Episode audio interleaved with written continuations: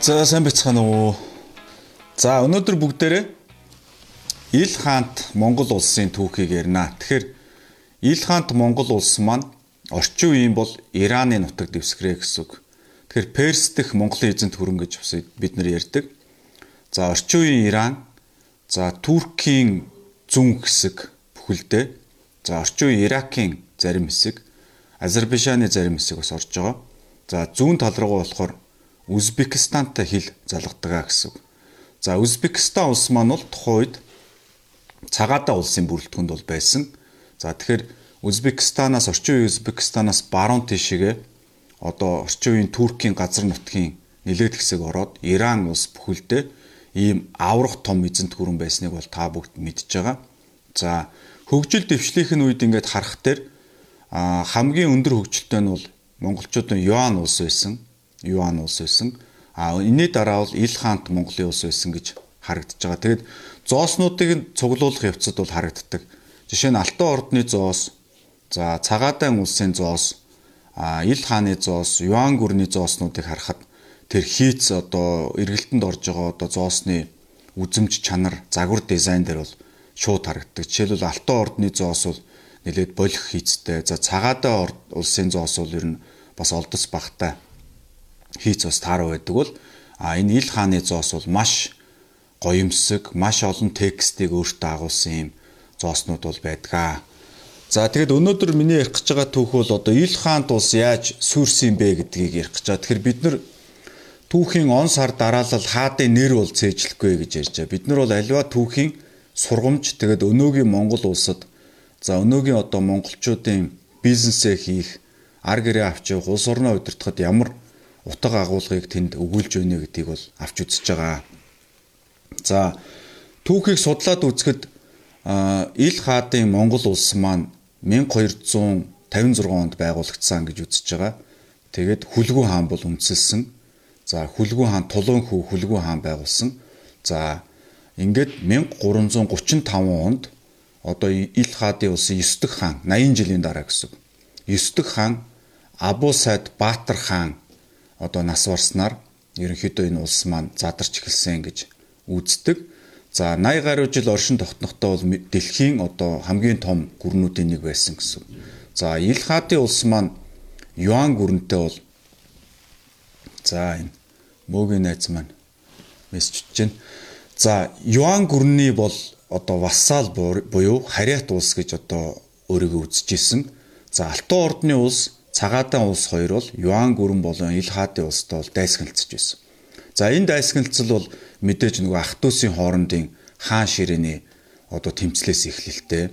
За тухайлбал одоо тулуун үрсад болох Хувлай хаан одоо хаан болоход а тэрэн дээр ариг бүхтээ одоо зөрчил үүсэж а нилээдэх тэмцэл болсон. За өгөөдөн удамынхныг бол бүгдийг нь бол одоо ер нь газрын өрснөөс бол зайлуулах юм ажиллагаа явсан. Ингээд өгөөдөө удмынхан цаашаага цагаатаа улс руу очиж цагаатаа улсыг эзлэж цагаатаа үр садын удирдах ёстой улс шүү дээ цагаатаа улс гэдэг маань. Тэгэхээр цагаатаа улсыг бол одоо эзлэж өөрсдөө хяналтыг тогтоож ингэж дайсгалцж байсан. За ил хаадын улс бол цаашаага маш олон том улсуудыг бол иргэшээлдээ оруулсан. За жишээлбэл сонирхолтой түүх ярихад Константинопол хотод төвтэй Зүүн Ромын эзэнт гүрэн буюу Византын эзэнт гүрэн гэж аврах том маш баян улс байсан. За 1200 онд бол энэ улс маань энэ хот маань дэлхийн хамгийн олон хүн амтай. За өнөөгийн одоо Туркийн сериал кинонууд дээр та нар үзэж байгаа те. Отман Туркийн эзэнт гүрэн гэхээр маш гоё хот одоо ордон ингээд гараад байдаг. Энэ бол туркчүүдийн барьсан одоо энэ байшин төг соёлын өв дурсгал бол биш. Энэ бол зүүн Ромын эзэнт гүрний үлдээсэн өв байгаа. За ингээд Константинопол хотыг бол 1200-аад онд бол туркчууд занл хийлж байсан дорндоос ирсэн. За ингээд сэлжүк туркууд бол ер нь юу юуг хэл хязгаард нь тулж орж ирээд газар нутгаас нэлээн аваад байж явах үед монголчууд ардаас нь очиж бол зогсоосон. Ингээд сэлжүк Румын сэлжүк туркийн эзэнт улсыг бол монголчууд өөрсдөө иргэшээлд оруулснаар Константинопол хот дахиад 200 жил оршин тогтносон 1423 онд Отман тургийн эзэнт гүрэнд одоо самруулж эзлэгдэх хүртлээр бол тусгаар даасан ийм улс байсан монголчуудын ачаар. За тэгээд Ил хааны одоо Аргун хаанд бол тухайн үеийн зүүн Ромын эзэнт гүрний хаан бол өөрийнхөө одоо Мария нэртэй охиныг бол хатан болгож өгч исэн. Энийг нь монголчууд бол Деспина хатан гэж хүндэтгэн өргөмжилж исэн. Энэ хатан энэ Иранд Христийн шашныг одоо түгээх маш их чухал үүргийг бол гүйцэтгэж байсан. За тэгээд одоо нөхөр нь нас орсон хойно бол эргээд Константинопол руу бол буцаан гэсэн юм түүхэн их сурулж байдгаа. За түрүүн би ярьлаа Ил хаадын улс маань өөрөө цагаатай улс Алтан ордны улстай бол байнга одоо хил хязгааргын маргаантай байнга бол дайцсан юм байдалтай байсан. За энэ дайнуудын нэгийг ярихад Хүлгүү хаан 1256-аас 1260-аад оны хооронд бол Арабын Аббасид халифатыг бол сүрүүлсэн. Тэгэхээр халифат гэдэг чинь бол юу вэ гэхээр нөгөө зөнч Мухаммедийн одоо исламын шашныг үндэслэгч зөнч Мухаммедийн шууд удмынхны одоо улс гэж гэсэн гэсэн үг. За энэ маань бол одоо Багдадад төвтэй 800 жилийн турш оршин тогтносон ийм улс байсан. Энэ улсыг бол хүлгүү хаан бол мөхөөсөн Багдад хотыг одоо ер нь бол маш их бэхлэл цайз хамгаалттай энийг одоо хэр баргийн айрам дийлэхэргүй ийм хүчрэг улс байсныг ердөө одоо хэдхэн 7 хоногийн дотор бол буулгаж авсан. Хүлгүү хаан бол энэ зөнч Мухаммед гэж байгаа. Исламын шашныг үндэслсэн Мухаммедийн удам судруулах сүүлийн одоо удмын халиф гэж байгаа юм л да. Энд чи одоо цэнхэр цустай гэдэг шиг. Энийг бол одоо Багдадад төвтэй энэ Аббасид халифат гэж асар том улсыг бол мөхөөсөн. За энэ үед Алтан ордныг захирж байсан а Бэрх хаан бол өөрөө мусульман шашинд орсон байсан учраас а мусульман шашны төв болох Багдадыг сүрүүлж а Мухаммедийн өөрийнх нь өв залгамжлагч цусан одоо төрлийн хүнийг нь сүүлийн одоо халифыг нь одоо Ромынхоор бол паплам гэсэн үг те. Энэ хүнийг нь одоо амийг нь бүрлэгсэнд маш их зэ үүсэж Алтан ордны улс бол Ил хааны улсанд дайн зарлсан баг. Дайн зарлсан. За ингээд Алтан ордны улс бол одоо Ил хааны заналт дайснууд бол Египт Сирийн мамлюкуудтай бол холбоо тогтоож хоёр талаас нь ил хаадыг довтлё гэдэг ийм яриа хэлцлүүдийг бол идэвхтэй хийж байсан. За тэгэхээр их сонь тэгээд нөгөө монголчууд монголчуудыгаа одоо нухдаг энэ нөгөө балаа юм чинь явж байгаа. Тэгээ монголчуудыг зогсоох хүч байгаагүй. Ил хаадын зорилго бол юу байсан бэ гэхээр а Египтийг эзлэх байсан.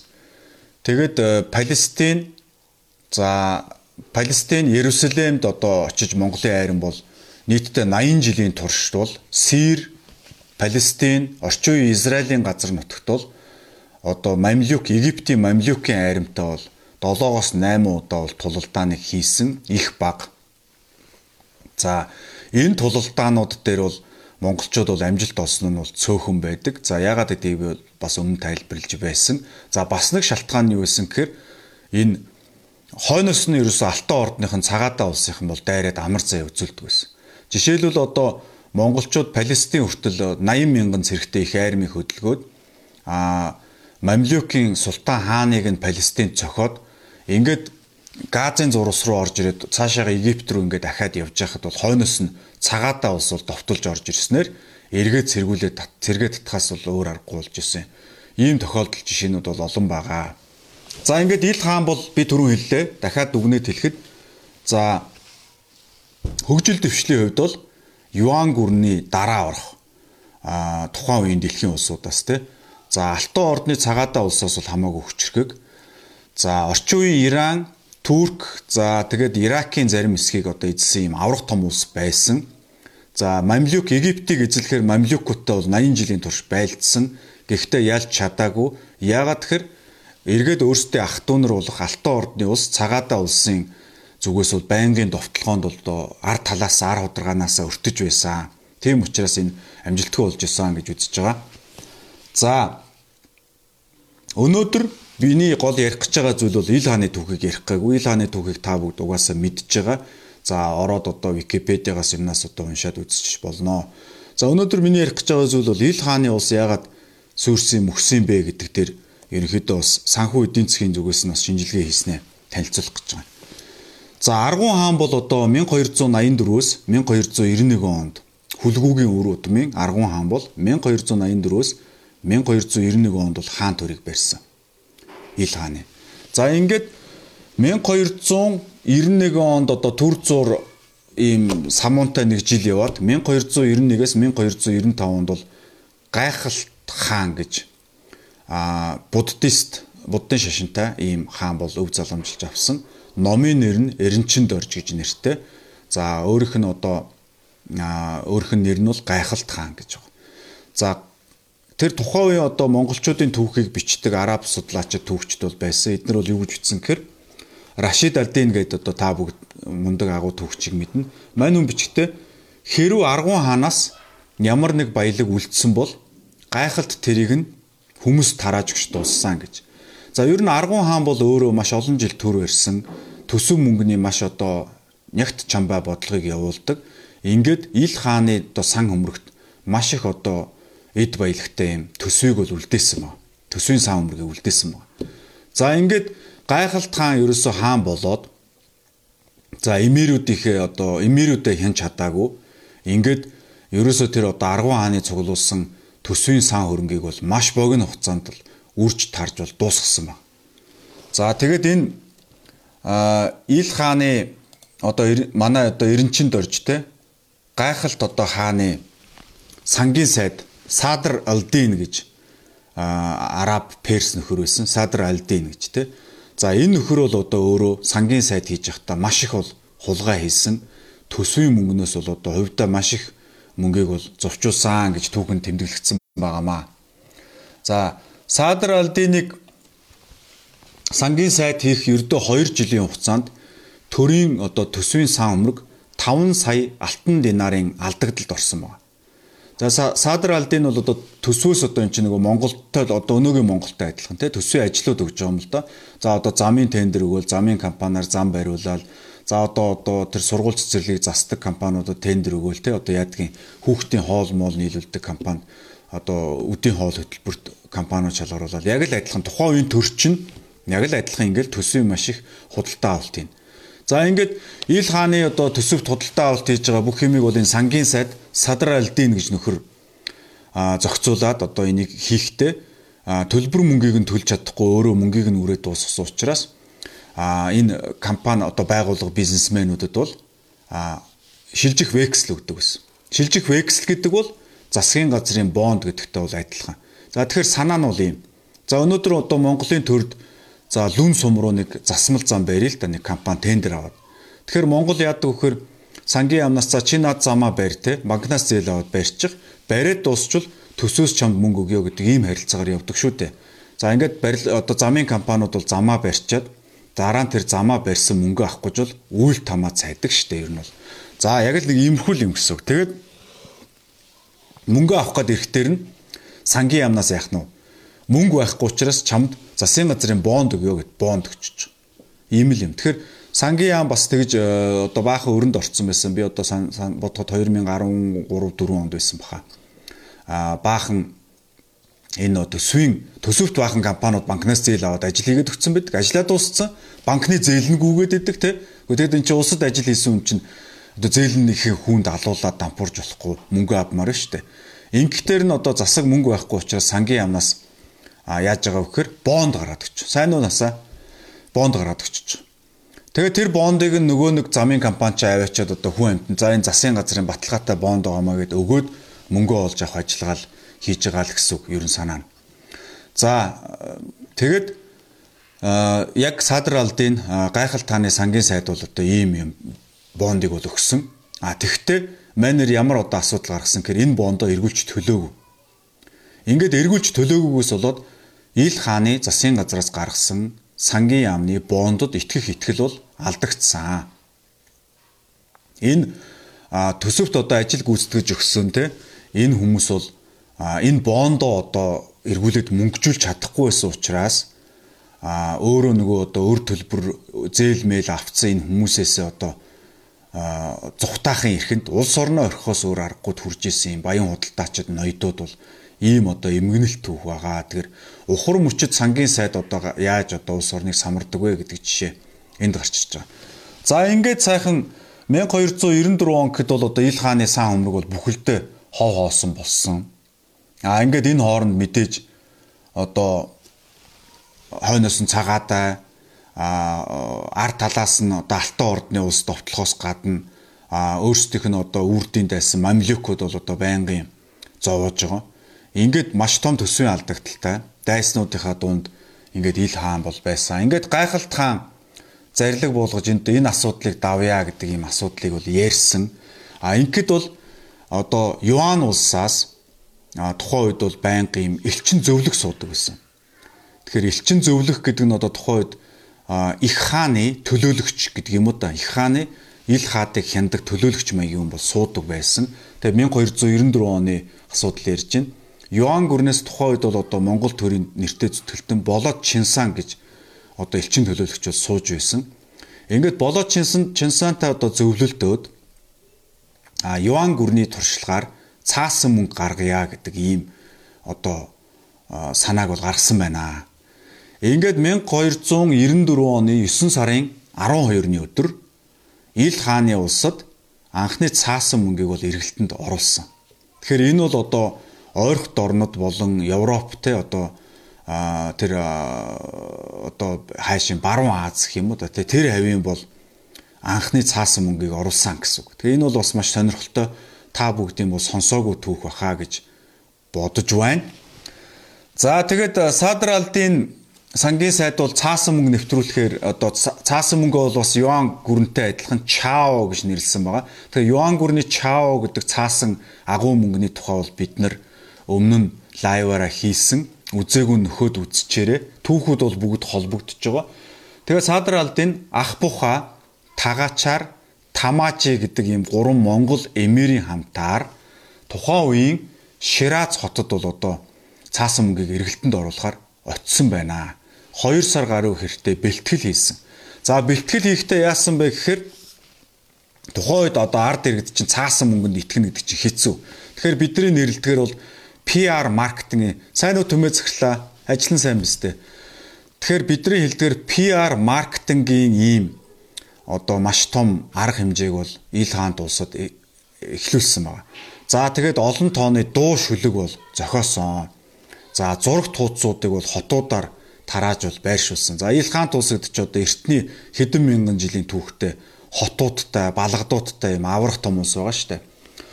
За тэгээд тухайлбал нэг энд юм байна л да. Тухайлбал Шираз хотын оршин суугчдад одоо зориулсан хотын гудамж талбайд хадсан одоо сонгуулийн сурчлагын хуудас гэдэг шиг юм сурчлагын хуудас шүү дээ.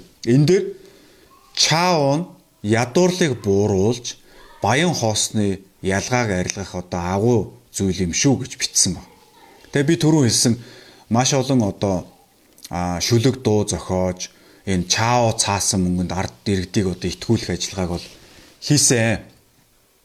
За гэхдээ дахиад нөгөө одоо менежментийн асуудал юм да.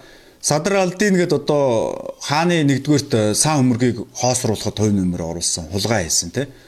Хоёрдугаарт засгийн газрын бондыг үнгүүдүүлж а төрд ажил төсвийн одоо ажил хийж өгч тэрнийхээ мөнгийг авч чадаагүй олон хүнийг хохироож засгийн газрын бондод итгэх итгэлийг үгүй хэлсэн энэ хүнийг дахиад цаасан мөнгө хийлгэхээр томилж байгаа юм. Тэгээ би бас нэг хэдэн жил менежмент хийсэн. Ер нь бол тэндээс юу сурсан гэхээр а хүнд бол гурван боломж олох хэвээр. Хүнд бол гурван боломж олох хэвээр. А захирал хүнд бол ганцхан боломж олох хэвээр. Сайд хүнд бол ганцхан боломж олох хэвээр улс төрчөнд бол ганцхан боломж олох хэвээр. Ойлгож байна уу? Тэгэхээр хүнд бол гурван боломж олох хэвээр. Захирал хүнд нэг л боломж олох хэвээр. Тэгэхээр садар алдын нэг дэх боломжоор дуусгач. Хоёр дахь боломж. Ингээ гурав дахь боломж дээр дахиад менежментийн алдаа гаргаад хэд их цаасан мөнгийг эргэлтэнд оруулсан. Ингээд чао мөнгө одоо эргэлтэнд орсноос хойш 3 хоногийн дараа а эдийн засгийн гамшигт хямрал бол ил хаант улсд бол нүүрлсэн. За морины үн гэхэд одоо адууны үн те зах дээр 10-аас 20 дахин өссөн. Гиперинфляц явагдсан. За ард иргэд бол одоо хотод худалдаа 8 хийх боломж болсон. Яг тэгэхээр зоосоор худалдаа 8 хийхийг хоригдж а зөвхөн цаасан мөнгөөр одоо хийгээд одоо маш хатуу төрөөс хяналт дотоосон учраас худалдаа 8 үндсэндээ бол дуусч хоол унд олдохоо байж хот бол эзгүүрсэн гэж. Хот эзгүүрээд хотын ард иргэд ойруу гарсан. Хоол унд олж идэхээр одоо ойруу гарсан. Тэгэхээр а одоо мэдлэг хомс хувийн ашиг сонирхлыг дээдэлдэг сувдаг шунхаа төрийн одоо сайд нар бол ингэж ард түмнийг бол чилээсэн байх нь байна. За ингээ 2 сарын дараа бол чаавг буцааж татаж эргээд зоосон мөнгөний харилцаанд орохоос өөр аргагүй болсон. Ингээд ил хаант улсад одоо цаасан мөнгийг эргэлтэнд оруулах оролдлого инхүү талаар болсон. За тэгээд мэдээж одоо энэ амжилтгүй болсон гол шалтгаан бол энэ ил хааны ил хааны одоо энэ сангийн сайд Садар алдины явуулсан төсвийн буруу бодлоготой холбоотой. За тэгээд бас энэ дээрс бас нэг юм баримттай энэ ил хааны мөнгө чинь бол Хувлын хааны Чао гэд хятад нэртэй шүү дээ. Чао гэд тэ энэ цаасан мөнгөтэй адилхан Чао гэж нэртэй байгаа. За тэгээд энэ мөнгөн дээр бол одоо персээр бичсэн байгаа. За юу гэж ütсэн гэхээр бүгдийн хаан энэхүү адислагдсан цаасан мөнгийг 693 онд эзэнт гүрэнд нэвтрүүлвэ гэж. За мөнгийг хуурамчаар үйлдсэн этгээдийг эхнэр хүүхдийн хамтаар цаазалж бүх хөрөнгийг нь улсын орлого болгоно гэж ингэж заасан ба. За энэ бол яг Йоан гүрний чаав дээр бас ханзаар ингэж бичсэн байдаг. Энтэй адилхан байна. За тэгэд 693 он гэдэг чинь ямар он бэ гэхээр нөгөө лалын шашин одоо мусульман Мухаммедийн төрснөөс хойш гэсэн үг л дээ. Тэгэхээр одоо христийн календараар бол 1294 он гэсэн үг. За тэгээд энэ ер нь одоо Илхант улсад бол одоо эхлээд хаадууд нь бол ерөнхийдөө шашингүй байсан. За явандаа бол буддын шашинд бол нэлээд гүнзгий орсон. За түрүү ярьсан Аргун хаан бол христийн шашинтай хатантай байсан. Византын эзэнт гүрнээс ирсэн. За тэгээд явандаа а энэ Газан хааны үеэс бол одоо бүрэн одоо лалын шашинд мусульман шашинд бол одоо орсон. Тэгээд Ил хаант улсад бол буддын маш олон сүм дугуйн хийдүүд байсныг бол бүгдийг нь одоо цаазалж эдрийг бол нураа хаах юм арга хэмжээнүүд бол явагдсан. Христийн сүмүүдийг бас татан буулгасан. Тэр тухайн үед бол Зоростан гэдэг одоо Перси эртний шашин байдаг. Энэ шашныг бол бас хориглох юм арга хэмжээнүүдийг авч ирсэн. Тэгээ явандаа бол Газан хааны үед бол сүүл рүүгээ бас энэ одоо бусад шашныг бол эргүүлээд бас зөвшөөрч эхэлсэн. За ингээ 1335 он гэхэд бол одоо төсөв санхүүгийн буруу бодлогоодоос болоод санхүү эдийн засгийн хувьд хүндэрсэн нэгдүгээр. Хоёрдугаарт хар тахал одоо гарч удам ухсаа залгамжлах хөвгүүдийнхээ хамтаар Абу сайд Баатар хаан маань бол өөрөө Европыг бүрсэн хар тахлаар бол одоо нас орсон.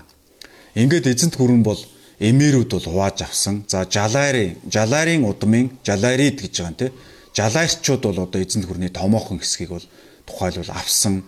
За сарбадаарууд гэдээ бас нэг одоо Монголын нэг одоо уугуудмынхан бас нэг нэг хэсгийг нь а та одоо тарааж авсан. Гэх мэтлээ ингээд Ил хаадын улс бол 1335 оноос задарч эхлээд тэгээд явандаа бол одоо байхгүй болсон. Ер нь бол тэгээд арабчаад персчэд бол ерөнхийдөө дууссан гэж үзэж болно. За ингээд өнөөдөр та бид ил хаадын нэг талаас агуу за нөгөө талаас одоо гунигтай түүхийг бол бид нар бас ярьлаа.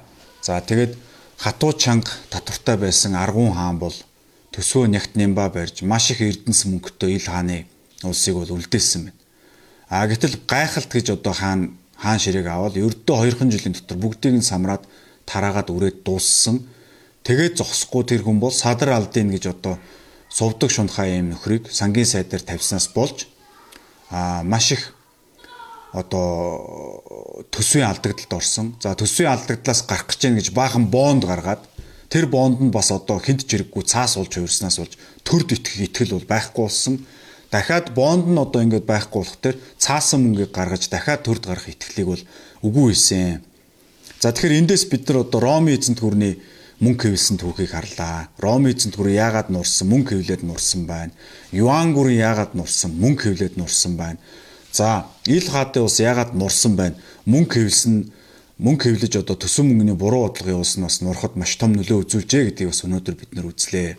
Тэгэхээр ер нь эндээс бид нар бол юуг ойлгож байгаа вэ гэхээр макро эдийн засгийн номон дээр байдгүй юмыг ойлгож байгаа бид нар. Тэр нь юу гэхээр төр гэдэг юм чинь улс гэдэг юм чинь оршин тогтнохын тулд ард түмний итгэл хэрэгтэй.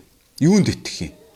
Төр гэдэг чинь хоосон зүйл учраас хүнд итгэхгүй. Хүн бол өвхөд алга болоод. Тэгэхээр мөнгөн тэмдэгтэд итгэдэг юм байна. Тэр төрөөс гаргасан мөнгө гэдэг юм чинь тэр мөнгийг иргэд нь итгээд аваад худалдаа наймаа хийгээд хөрөнгө мөнгө болгоод гудсныхаа дор банкнд хадгалж байгаа бол энэ төр дэтгэх итгэлийг баталгаажуулд юм байна. Би нэгч макро эдийн засгийн ном дээрс ийм уншаагүй. А би хүн төрөлхтний түүхийг судлах явцдаа энийг ойлголоо. А та бид өнөөдөр хамтдаа энийг мэдлээ. Өнөөдөр 1990 оноос хойш Монголын төр тасралтгүй 30 жилийн турш 20 дугаар дотоодоос хойш ахуулаад төгрөг гэдэг энэ үндэсний төгрөгийн аншийг суллах ажиллагаа хийлээ. Суллах ажиллагаа хийлээ. Өнөөдөр зүгээр сайхан гарч ирээд төгрөгийн анш сулрах нь бол сайн байдаг юм шиг ингээд бүр телевиз радиогоор ярьдаг боллоо. Үгүй боллоо ч гэж тэ одоо 10 хэдэн жил ярьж байгаа. Тэгээд би тэмцэж ирсэн. Үгүй төгрөгийн ханш чанга байх хэвээр. Төгрөгийн ханш долларын эсрэг суларч болохгүй гэж би одоо тухайн үед сохроорч болсон итгээд ингээд тэмцэж ирсэн. Одоо бол би одоо үнэхээр ойлгож. Ерөөсөө альва төр улс орон оршин тогтнох үндэс нь тухайн улсын валют байдаг юм байна. Тэр валютанд итгэх ард иргэдийн итгэл байдаг юм байна. Тэгэхээр Монгол банкны тухай хуулинд заасан байна. Монгол банкны үүрэг бол үндэсний мөнгөнд тэмдэх төгрөгийн тогтвортой байдлыг хангах явдал мөн гэж заасан байна. Хэрвээ сая 2017 онд хуулиа өөрчлөхдөө энэ залтаа аваад хайчаагүй л бол шүү дээ. Би одоо 2015 онд энэ хуулийг одоо уншиж байхад ийм залттай л байсан. За тэгэхээр монголчууд бид нар макро эдийн засгийн бодлого юм явуулахд бол одоо ойлгомжтой болж байна. Төсөө нэгтнийм бай байлгая. Засгийн газрын бондоо найдвартай төлдөг байх нэ үндэсний мөнгөнд тэмдэх төгрөгөө хэвлэхээ зогсоогооч. Зогсоогооч. Энэ төгрөгөө доллар эсрэг сулруулахаа болооч. Энэ төгрөгийнхөө аншиг чанга байлгаж иж Монгол иргэд Монгол төгрөгтөө итгэн Монгол төгрөгт итгэж байгаа чинь Монгол засагт одоо итгэнэ гэсэн. Тэгэхээр өнөөдөр Монголын ард түмний төр зэсэгт итгэж байгаа итгэлийг хэмжээд үзэх юм бол маш бага гарвал гайхгүй. Ягаад тэгэхээр эн чинь төгрөг гэдэг юм а банк сулс. Ерөнхий сайд нь 20 дугаар тогтоол гэж юм гаргаад төгрөгийн аншиг хэд дахин сулсан. Тэгэхээр 90 оноос хойш төгрөгийн анш доллар эсрэг одоо 200 гаруй дахин суларчаад байж байна. 200 гаруй дахин. За 2 төгрөг байснаас эхлээд бодох юм бол одоо 1000 гаруй дахин суларчаад байж байгаа байхгүй юу? 1000 гаруй дахин. Ийм улс бол дэлхийд байхгүй.